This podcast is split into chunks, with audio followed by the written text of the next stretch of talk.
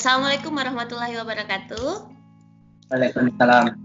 Uh, well, teman-teman, ini adalah podcast episode keempat dan hari ini uh, mungkin agak sedikit berbeda dengan episode sebelumnya karena kita akan lintas uh, ilmu nih, kita akan multidisiplin di sini karena kita akan membahas uh, mengenai tata kota dan hubungannya uh, dengan COVID-19. Hari ini uh, saya kedatangan tamu yang sangat istimewa selain karena dia adalah teman kecil saya, dia juga uh, seorang penulis, uh, dia juga uh, seorang dosen uh, yang pastinya akan uh, memberikan kita sharing ilmu tentang apa sih yang akan kita bahas hari ini. Uh, di sini sudah hadir uh, Kak Fitrawan Umar. Halo Kak Wawan. Halo. oh ya, uh, apa kabar selama WFH? Alhamdulillah baik-baik saja, uh, sehat hmm. dan ya mungkin tambah gemuk kali ya. Biasanya seperti itu. Iya. Yeah. Uh, uh, well, uh, kalau misalnya uh, melihat kondisi saat ini, uh, apa yang ada di uh, di benak uh, kawan nih sebagai seorang uh, boleh dikata misalnya uh, berkecimpung di bidang tata kota dan kemudian melihat kebijakan-kebijakan yang sedang dihadapi oleh masyarakat dan sedang diterapkan oleh pemerintah. Eh, kira-kira apa sih yang uh, berada di pikiran kawan ketika mendengar istilah COVID, kemudian mau dihubungkan dengan keilmuannya sebagai tata kota, ahli tata kota misalnya? Iya, uh, memang COVID-19 ini atau COVID-19 ini memang agak uh, unik ya. Soalnya memang kita menghadapi situasi yang tidak pernah terprediksi sebelumnya, tidak pernah kita duga, dan bahkan semua manusia yang hidup saat ini tidak pernah merasakan uh, wabah yang sedemikian dahsyatnya ya. Walaupun beberapa tahun lalu ada juga misalnya virus SARS dan sebagainya, cuman sepertinya wabah ini yang paling berbahaya sepanjang abad ini. Iya. Nah, uh, terkait dengan nah, kenapa? Yang kenapa? saya yang saya perhatikan kita semua memang uh, tidak siap menghadapi uh, masyarakatnya dan semuanya kita tidak siap uh, kita tidak punya pengalaman menghadapi wabah ini di Indonesia uh, diminta karantina saja kita agak kaget dan semuanya serba berubah, serba mendadak, serba berubah dan harus uh, membiasakan diri uh, yang mendadak. Iya, uh, artinya Om seperti ini ya, uh, kawan bahwa ketika kita berbicara tentang COVID-19, kita berbicara tentang perubahan yang secara massal dan secara masif terjadi di setiap lini kehidupan masyarakat. Boleh dikata dari segi ekonomi pasti sangat berdampak, uh, sosial dan budaya yang uh, boleh dikata kita yang tidak biasanya bekerja di rumah kemudian kita harus membiasakan diri bekerja di rumah uh, kita yang biasanya ke mana-mana beraktivitas di luar harus membiasakan diri untuk mengisolasi diri misalnya atau tidak ke mana-mana dulu. Uh, artinya memang banyak perubahan yang terjadi karena uh, COVID-19 ini. Uh, well saya sempat uh, membaca ada tulisan uh, mungkin kalau uh, Kak Wawan sendiri uh, paham nih karena ini memang uh, keilmuannya bahwa uh, di abad ke-19 banyak negara yang kemudian mengubah struktur kota akibat wabah atau pandemi.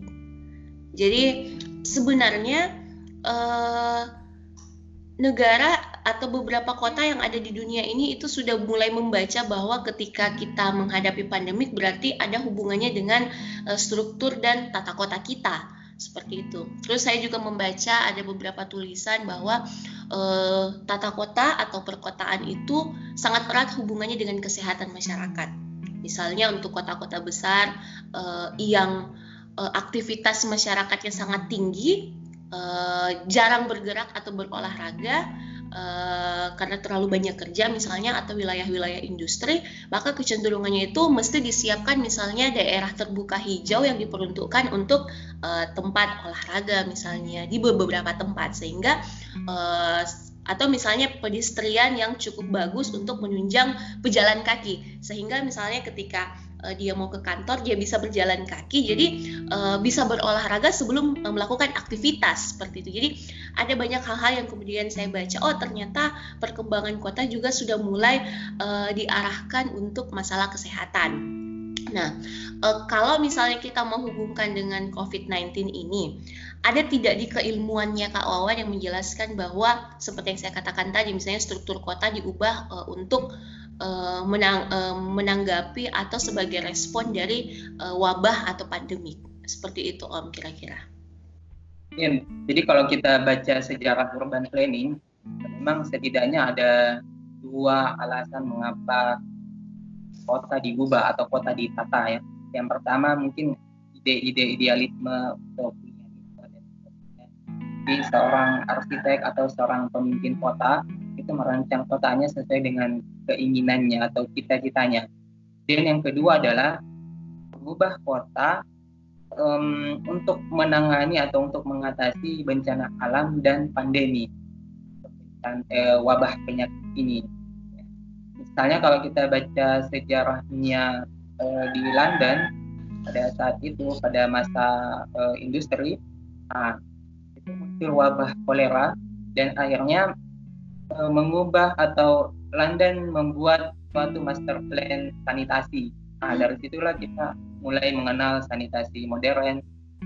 Jadi memang untuk uh, menangani wabah itu begitu juga misalnya di uh, di Paris uh, Napoleon juga mengubah kotanya, memperlebar jalannya, ya, uh, membuat taman-taman, semuanya untuk meningkatkan kesehatan uh, masyarakat yang pada saat itu, pada saat uh, revolusi industri, industri sedang meningkat dan ternyata juga penyakit kesehatan masyarakat meningkat, sehingga kota-kota diubah.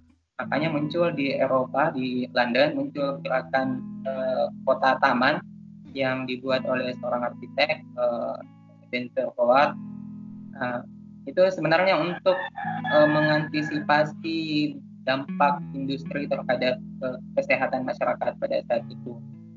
Dan kalau di Indonesia kalau kita juga kaitkan selain soal sanitasi, misalnya yang sederhana saja misalnya penggunaan fasilitas uh, toilet. Dulu kita tahu uh, orang Indonesia tidak semuanya memiliki toilet.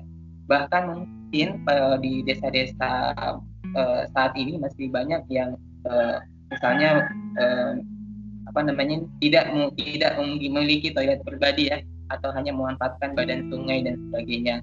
Ketika dulu muncul banyak wabah, misalnya uh, banyak penyakit disentri, kolera dan sebagainya. Jadi memang urban planning uh, dibuat untuk salah satunya itu menangani masalah kesehatan masyarakat. Nah, kemudian untuk COVID-19 ini, kalau saya lihat, bahkan penata kota pun sebenarnya juga tidak pernah memprediksi uh, mengenai uh, pandemi yang global seperti ini.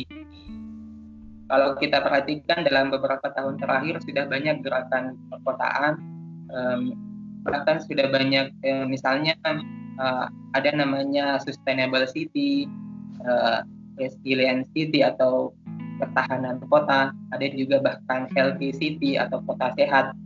Uh, healthy city malah diproyekkan oleh WHO. Jadi eh, WHO membuat kota-kota uh, untuk uh, menuju kota sehat.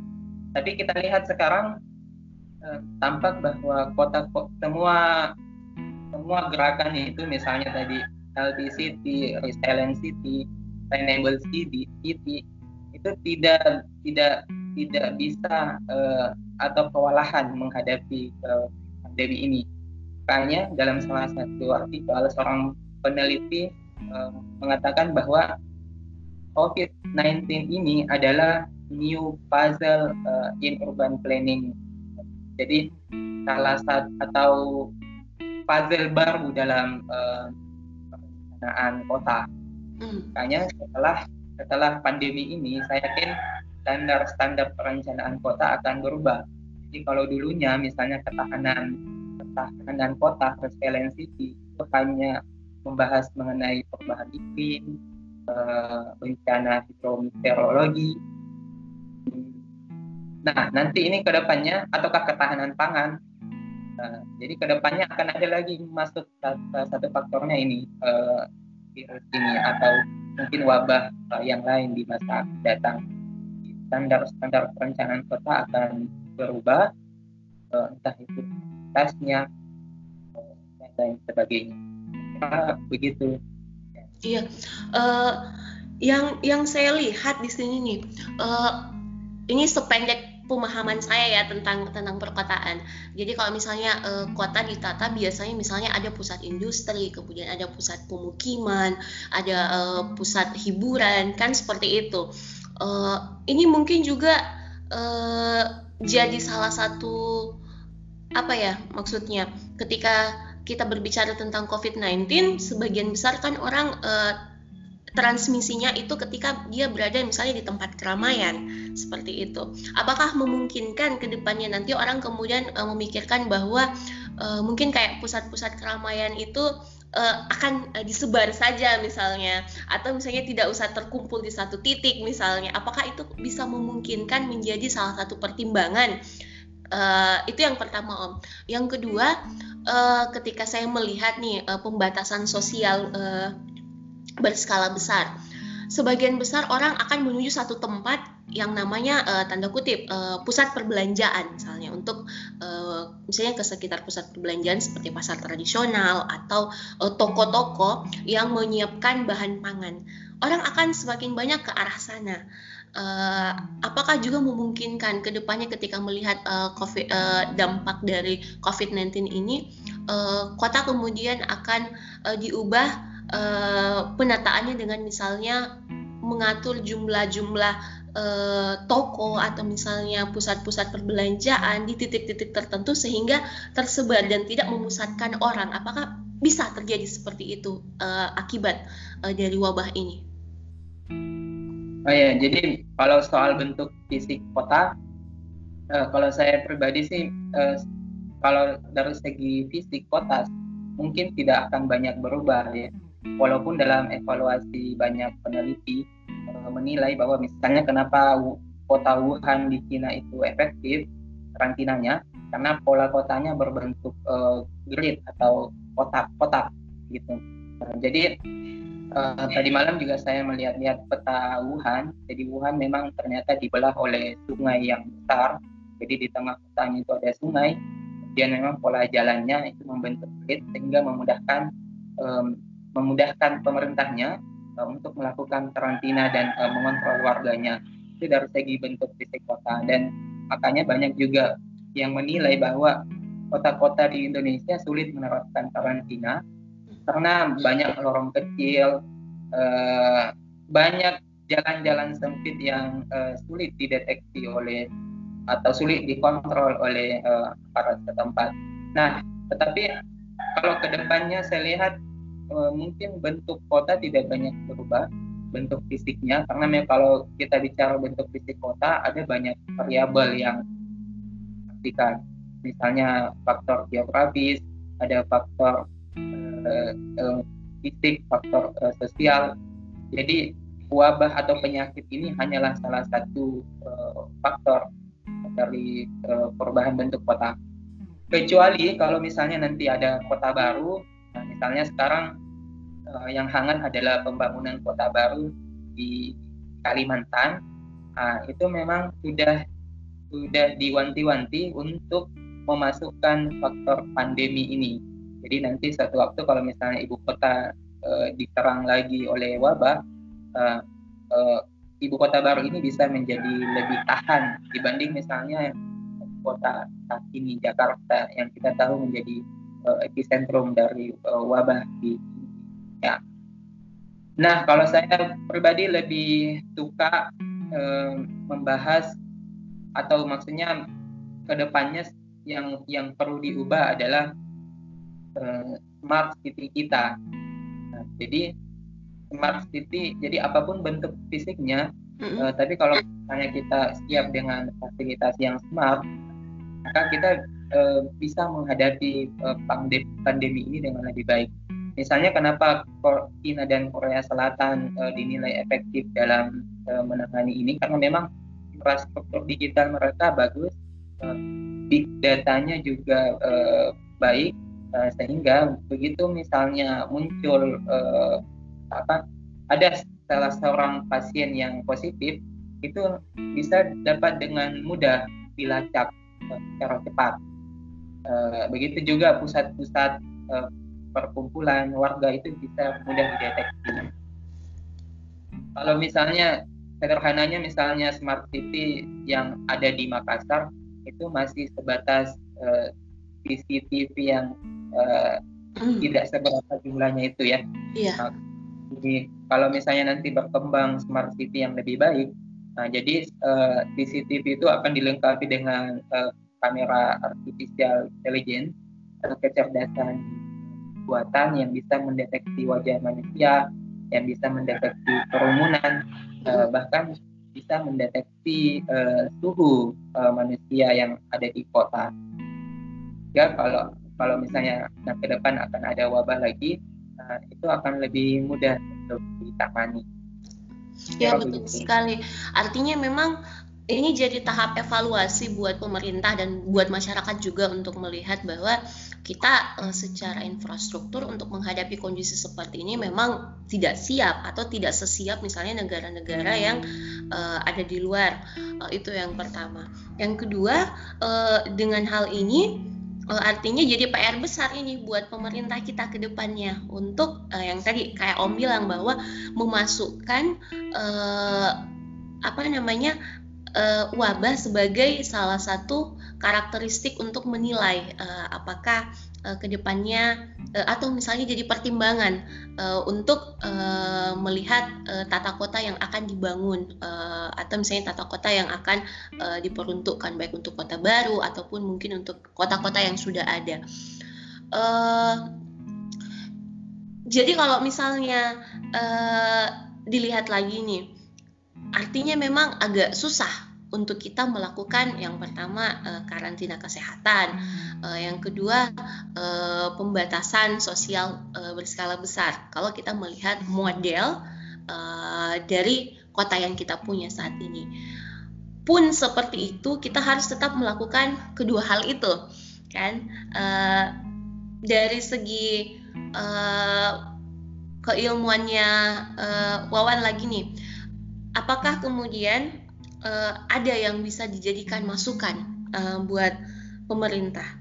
Uh, based on kan uh, kita melihat kondisi kota kita seperti ini memang menjadi masalah untuk tidak bisa maksimal tapi apakah ada kira-kira yang harus dilakukan uh, mengingat kondisi yang seperti ini kalau dalam situasi sekarang yang bisa dilakukan ya paling uh, dari perspektif perencana kota adalah bagaimana bagaimana menyiapkan lokasi-lokasi uh, tes massal uh, ataukah misalnya melakukan pengusulan lokasi-lokasi tempat karantina uh, dan juga pembatasan jalur keluar dan masuk ke suatu kota.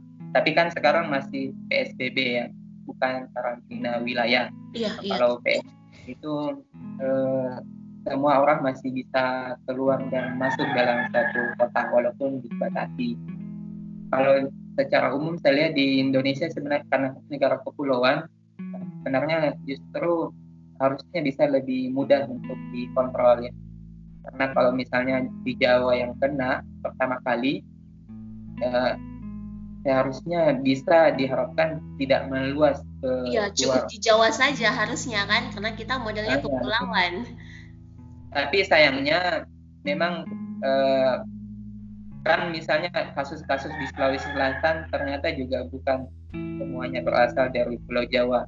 Ada yang berasal misalnya langsung transit atau langsung eh, kan penerbangan Makassar kan sudah internasional. Iya, jadi eh, dari dari Arab Saudi misalnya sudah bisa langsung ke Makassar sehingga eh, jamaah umroh juga eh, apa namanya ini uh, di Sulawesi Selatan banyak kasus yang berasal dari jemaah.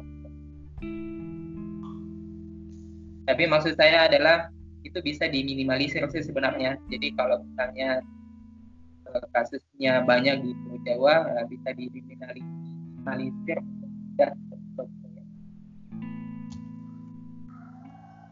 gitu ya.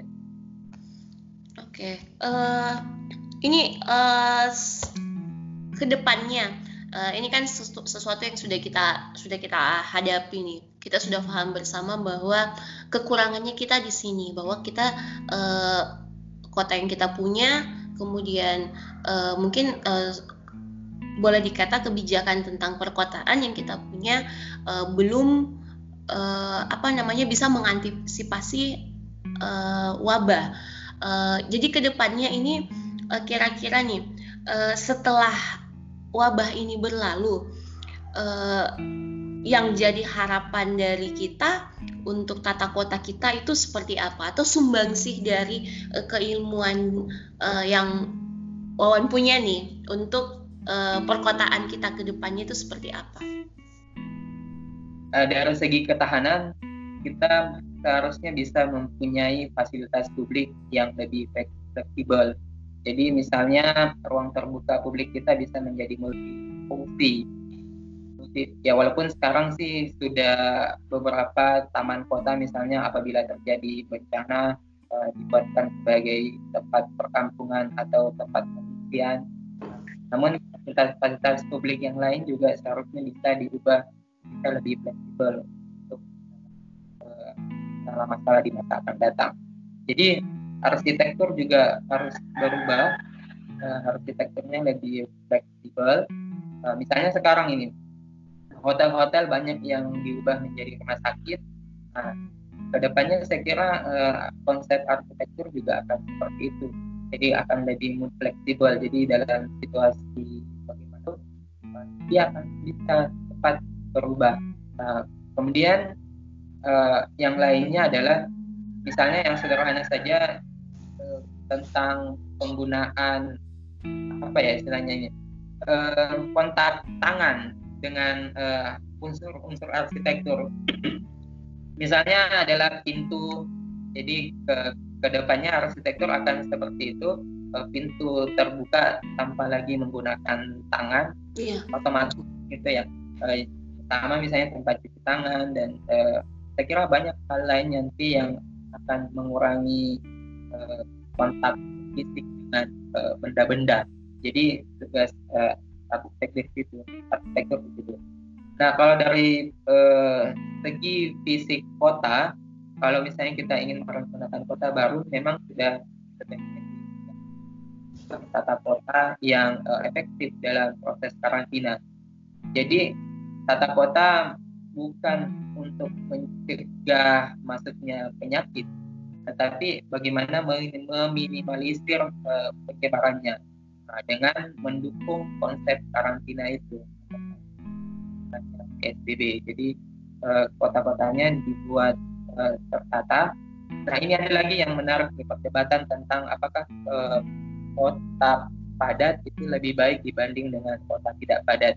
Hmm. karena kan kepadatan kota ini um, dianggap sebagai salah satu yang kehancuran suatu kota akan tetapi COVID-19 ini ternyata membuktikan bahwa kota-kota yang padat justru tidak terlalu bermasalah dengan COVID-19. Kalau misalnya kita lihat Singapura, eh, Hong Kong, eh, jadi masalahnya ternyata bukan di eh, kepadatannya, tetapi bagaimana mengelola kepadatan itu. Jadi teori tentang densifikasi yang eh, merusak kota, saya kira ini bisa dievaluasi uh, lebih lanjut nanti. Nah, jadi apalagi COVID-19 ini masalahnya bukan di kepadatan tapi uh, mobilitas penduduknya. Padat atau tidak padat penduduknya, tapi kalau mobilitasnya tinggi, penyebarannya juga akan tinggi. Iya, betul sekali. Iya, uh, ini kan kalau kita bicara tentang tata kota nih, uh, saya juga biasa mendengar istilah rancangan apa rancangan kota dan wilayah apa RT RW ya, yang kemudian jadi ya. jadi pijakan uh, ketika uh, kita ingin membangun sebuah kota. Uh, berarti ke depannya ketika kita menjadikan uh, ini adalah bahan evaluasi, menjadikan ini adalah salah satu pertimbangan, hampir di setiap kota berarti nanti RT RW-nya harus berubah ya Om. um, standar perencanaan kotanya yang akan lebih ditingkatkan. Jadi kalau misalnya ya memang rencana tata ruang wilayah sekarang misalnya dulu tidak memasukkan unsur bencana dan lingkungan hidup misalnya, mm-hmm. uh, tapi setelah banyak bencana di Indonesia akhirnya dimasukkan uh, unsur itu. Saya kira juga nanti ke depannya uh, wabah penyakit itu akan dimasukkan juga di uh, dalam salah satu faktor dalam perencanaan tata ruang wilayah itu. Minimal misalnya menyiapkan uh, kalau kalau kalau gempa kan begini atau tsunami menyiapkan uh, lokasi karantina eh lokasi pengungsian dan sebagainya. Nah kalau dalam covid uh, atau wabah penyakit yang lain di masa akan datang itu tadi yang saya bilang minimal menyiapkan tempat atau fasilitas untuk mendukung uh, lokasi karantina Oke deh. Nah, ditambah juga ini kesiapan tadi kalau saya lebih sukanya membahas itu smart city-nya itu. Mm -hmm. Jadi smart city yang harus dikuatkan nah, untuk menghadapi uh, wabah semacam ini. Iya, ini kira-kira apa lagi nih Om yang bisa di-share sama sama saya dan sama teman-teman yang bakalan mendengarkan nih kalau kita lihat? Uh, kalau misalnya kita lihat nih uh, yang ada di kepala saya nih kalau kita berbicara tentang uh, tata kota uh, tidak bisa lepas dari uh, memang pertama aspek ekonomi, aspek uh, sosial, aspek budaya, uh, apa namanya bahkan uh, yang tadi ini nih uh, yang kita bicarakan misalnya masalah pandemi, wabah.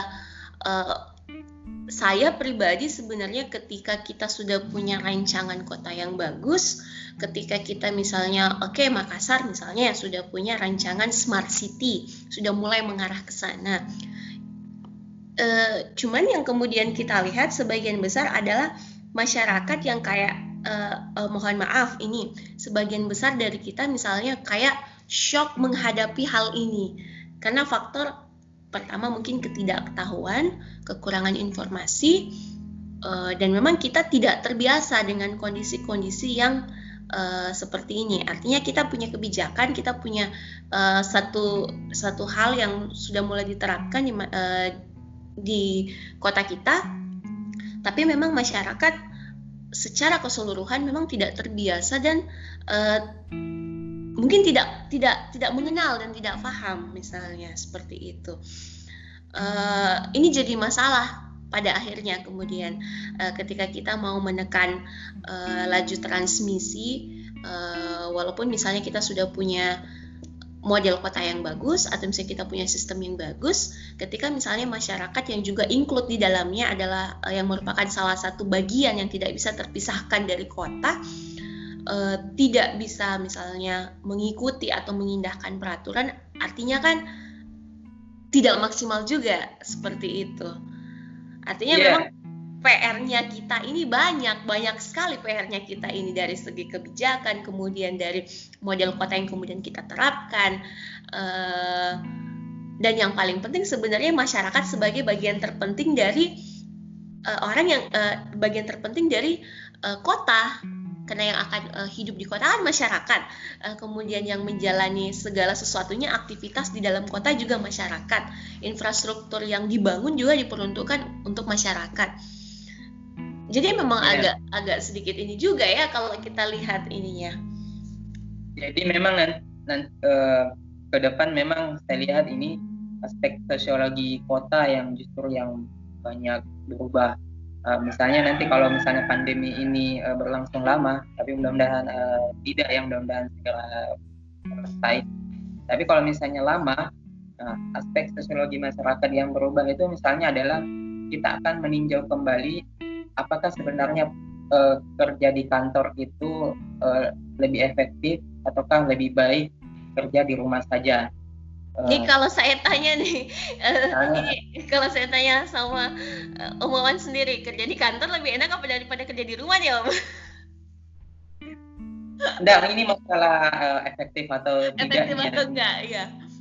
Dan juga ini um, misalnya juga sekolah, ya sudah sudah banyak yang mempertanyakan apakah uh, efektif sekolah uh, di SD eh di sekolah fisik misalnya ataukah dibanding misalnya sekolah di rumah saja. Kalaupun misalnya nanti tidak berubah drastis tetapi wabah ini akan mengajarkan kita bahwa uh, ke depan nanti kelas-kelas virtual uh, kelas-kelas virtual uh, ataupun hal-hal lain yang bisa dikerjakan uh, online atau lewat internet atau di rumah saja nah itu akan lebih banyak uh, jadi uh, pekerjaan akan lebih bervariasi atau mungkin uh, inilah sebenarnya momentum uh, disrupsi yang uh, selama ini yang kita dengar. Uh, jadi ke depannya nanti aspek sosiologi masyarakat akan berubah mereka akan terbiasa dengan bekerja di rumah sekolah di rumah uh, atau semuanya dan lain-lain sebagainya ya. Belanja juga di rumah dan lain-lain. Jadi kemungkinan nanti misalnya fungsi mall fungsi pasar mungkin juga akan berubah ke depannya. Jadi wabah ini membuat kita untuk uh, bersiap-siap terhadap segala kemungkinan di masa akan datang termasuk dengan segala perkembangan teknologi yang semakin canggih di masa akan datang. Jadi kalau kita belajar uh, sejarahnya smart city juga memang seperti itu untuk mengurangi mobilitas uh, penduduk. Jadi misalnya kalau di di uh, di Eropa atau di mana-mana misalnya kemacetan itu kan disebabkan oleh uh, mobilitas penduduk yang tinggi. Jadi masyarakatnya yang keluar rumah. Jadi teknologi internet diciptakan supaya masyarakat tidak selalu bepergian keluar. Uh, gitu. Itu uh, apa namanya ini sejarahnya gitu. Iya. Nah, wala walaupun memang dari kalau walaupun memang uh, hal itu tidak atau belum menjadi kebiasaan kita. Kebiasaan orang Indonesia kan uh, sukanya kumpul-kumpul, uh, bersosialisasi secara langsung dan jadi wabah ini akan membuat kita uh, berubah dari aspek kebiasaan dan secara umum aspek sosiologi kota. Iya, uh, berarti kemba kembali lagi nih kalau kalau kita bicara itu berarti kita kembali lagi pada kesiapan infrastruktur juga artinya kalau kita menginginkan uh, semuanya berjalan dengan baik uh, ada kebijakan berarti harus didukung juga sama infrastruktur yang uh, bisa memaksimalkan kebijakan-kebijakan itu. Jadi memang PR besar nih buat buat kita untuk menghadapi ini karena uh, kita harus punya kapasiti yang yang ini, kemudian uh, infrastruktur juga mendukung, ada kemauan. Jadi memang harus klop semuanya untuk menghadapi uh, masalah ini. Iya, jadi kalau dulu wabah kolera e, membuat kota-kota akhirnya merancang sanitasi, ada jadi e, salah satu artikel itu menulis bahwa sanitasi kita pada masa akan datang adalah digital itu, infrastruktur digital. Mm-hmm. Ya. Jadi memang, jadi kalau kita ingin berubah pada masa akan datang atau lebih tahan terhadap e, suatu wabah seperti ini, yang kita butuhkan adalah infrastruktur kita uh, energi yang banyak uh, salah satu dampak uh, dari COVID-19 ini adalah penggunaan energi domestik banyak. Makanya misalnya penggunaan listrik meningkat iya. uh, kan sama orang di rumah sekarang ini. Jadi uh, 24 jam misalnya uh, uh, apa kipasnya menyala AC-nya menyala lampunya menyala. Kalau kalau uh, infrastruktur kita tidak siap maka segalanya uh, jadi kacau nantinya. Iya. Gitu. Ini mungkin pertanyaan terakhir saya. Uh, jadi di pandangan atau uh, di kepalanya Wawan nih ketika virus corona ini sudah selesai teratasi, uh, artinya kan memang uh, negara kita harus bekerja keras untuk memperbaiki ekonomi, memperbaiki infrastruktur, kemudian uh, sosial masyarakat juga kemudian harus bisa ditata kembali. Bentuk kota yang ada di pikiran Wawan after uh, wabah corona ini seperti apa? Iya, jadi ada ada beberapa peneliti yang menyebut bahwa uh, wabah ini akan jadi mengubah pandangan kota. Jadi kota bisa jadi tidak lagi uh, misalnya kalau segalanya bisa dilakukan di luar rumah atau di dalam rumah atau di luar kota, jadi uh, kota lagi kota tidak lagi menjadi suatu pusat aktivitas. Hmm. Misalnya sekarang ini ya, misalnya sekarang saya uh, di Pinrang saya mengajar di Pinrang tapi kampus saya di Makassar. Nah, jadi ke depannya bisa jadi eh, banyak orang yang tinggal di luar kota, eh, tapi kerjanya di dalam kota begitu. Eh, tapi tinggal di luar kota ini maksudnya bukan di stup kota, stup atau pinggiran kota. Yang banyak sekarang kan di pinggiran kota. Misalnya yang bekerja di Makassar yang bekerja di Makassar tinggalnya di Goa atau di Maros uh, kalau di Jakarta misalnya kerja di Jakarta tinggalnya di Depok di Bogor uh, dan sekitarnya. Nah nah ke depannya akan berubah lagi. Jadi bukan uh, pikiran kota tidak lagi menarik malah jauh di luar uh, kota. Itu uh, ke, kemudian uh, tadi kalau dari segi bentuk kota secara fisik eh, seperti tadi yang saya bilang eh, bahwa fasilitas-fasilitas publik ini perlu dibuat eh, multifungsi. Begitu juga dengan eh, arsitekturnya, arsitekturnya juga harus lebih multifungsi, lebih tepat. Jadi kalau misalnya saat ini fasilitas publik kita diharapkan eh, bisa dipakai untuk semua golongan. Nah, faktor kesehatan ini bisa dimasukkan lagi sebagai salah satu uh, unsur tambahan dalam perencanaan.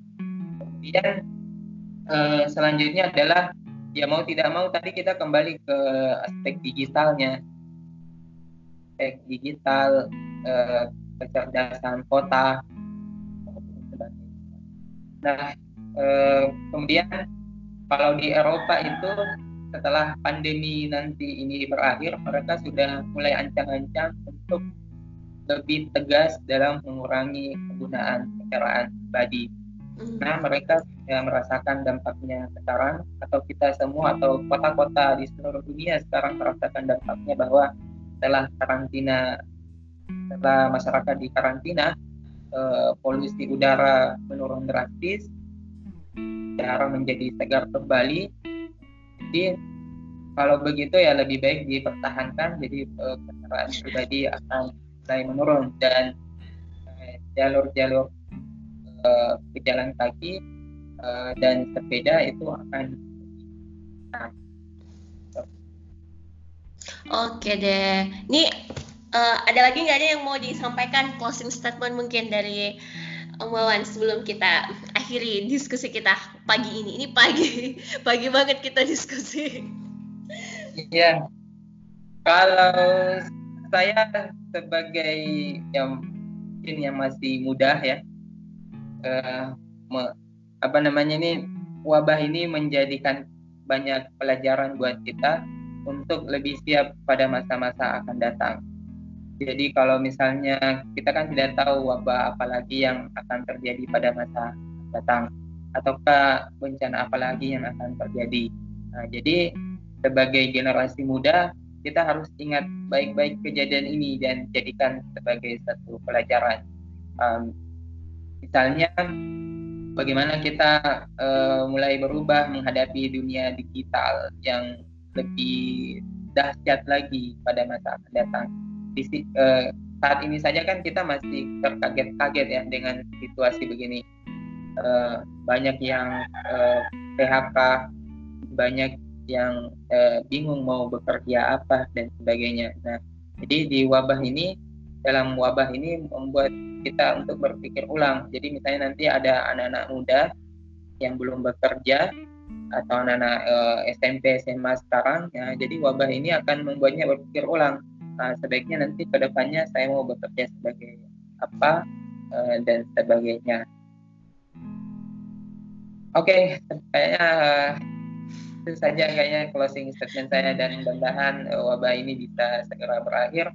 Amin. Dan, ya kita bisa berkumpul lagi dan yang penting adalah menjadi bahan evaluasi buat kita semua masyarakatnya, perencana kotanya dan juga pemerintahnya seperti itu. Oke, Om Ini kayaknya kalau habis saya post, ini bakalan banyak pertanyaan nih. Ya kalau misalnya banyak permintaan, kita mau diskusi lagi IG live bisa, bisa ya? Ya, insya Allah. Oke, boleh. Oke, uh, terima kasih banyak buat uh, sharing-sharingnya pagi ini langsung tercerahkan uh, dari banyaknya pertanyaan yang uh, lalu lalang di kepala kemarin akhirnya sudah tahu nih oh ternyata uh, titik temunya di sini. Ketika kita berbicara tentang wabah kita berbicara dengan uh, tata kota ternyata titik temunya di sini bahwa uh, kota seharusnya diciptakan atau dibentuk uh, baik secara fisik secara in infrastruktur harus uh, apa namanya menjadikan masalah kesehatan, masalah lingkungan, bahkan e, tanda kutip misalnya masalah wabah sebagai salah satu pertimbangan dalam e, merumuskan misalnya e, bentuknya seperti apa nanti, infrastrukturnya seperti apa nantinya. Ya, e, terima kasih buat diskusi kita e, pagi ini, e, kawan. E, semoga ada ruang-ruang diskusi lagi yang lebih e, bisa kita manfaatkan.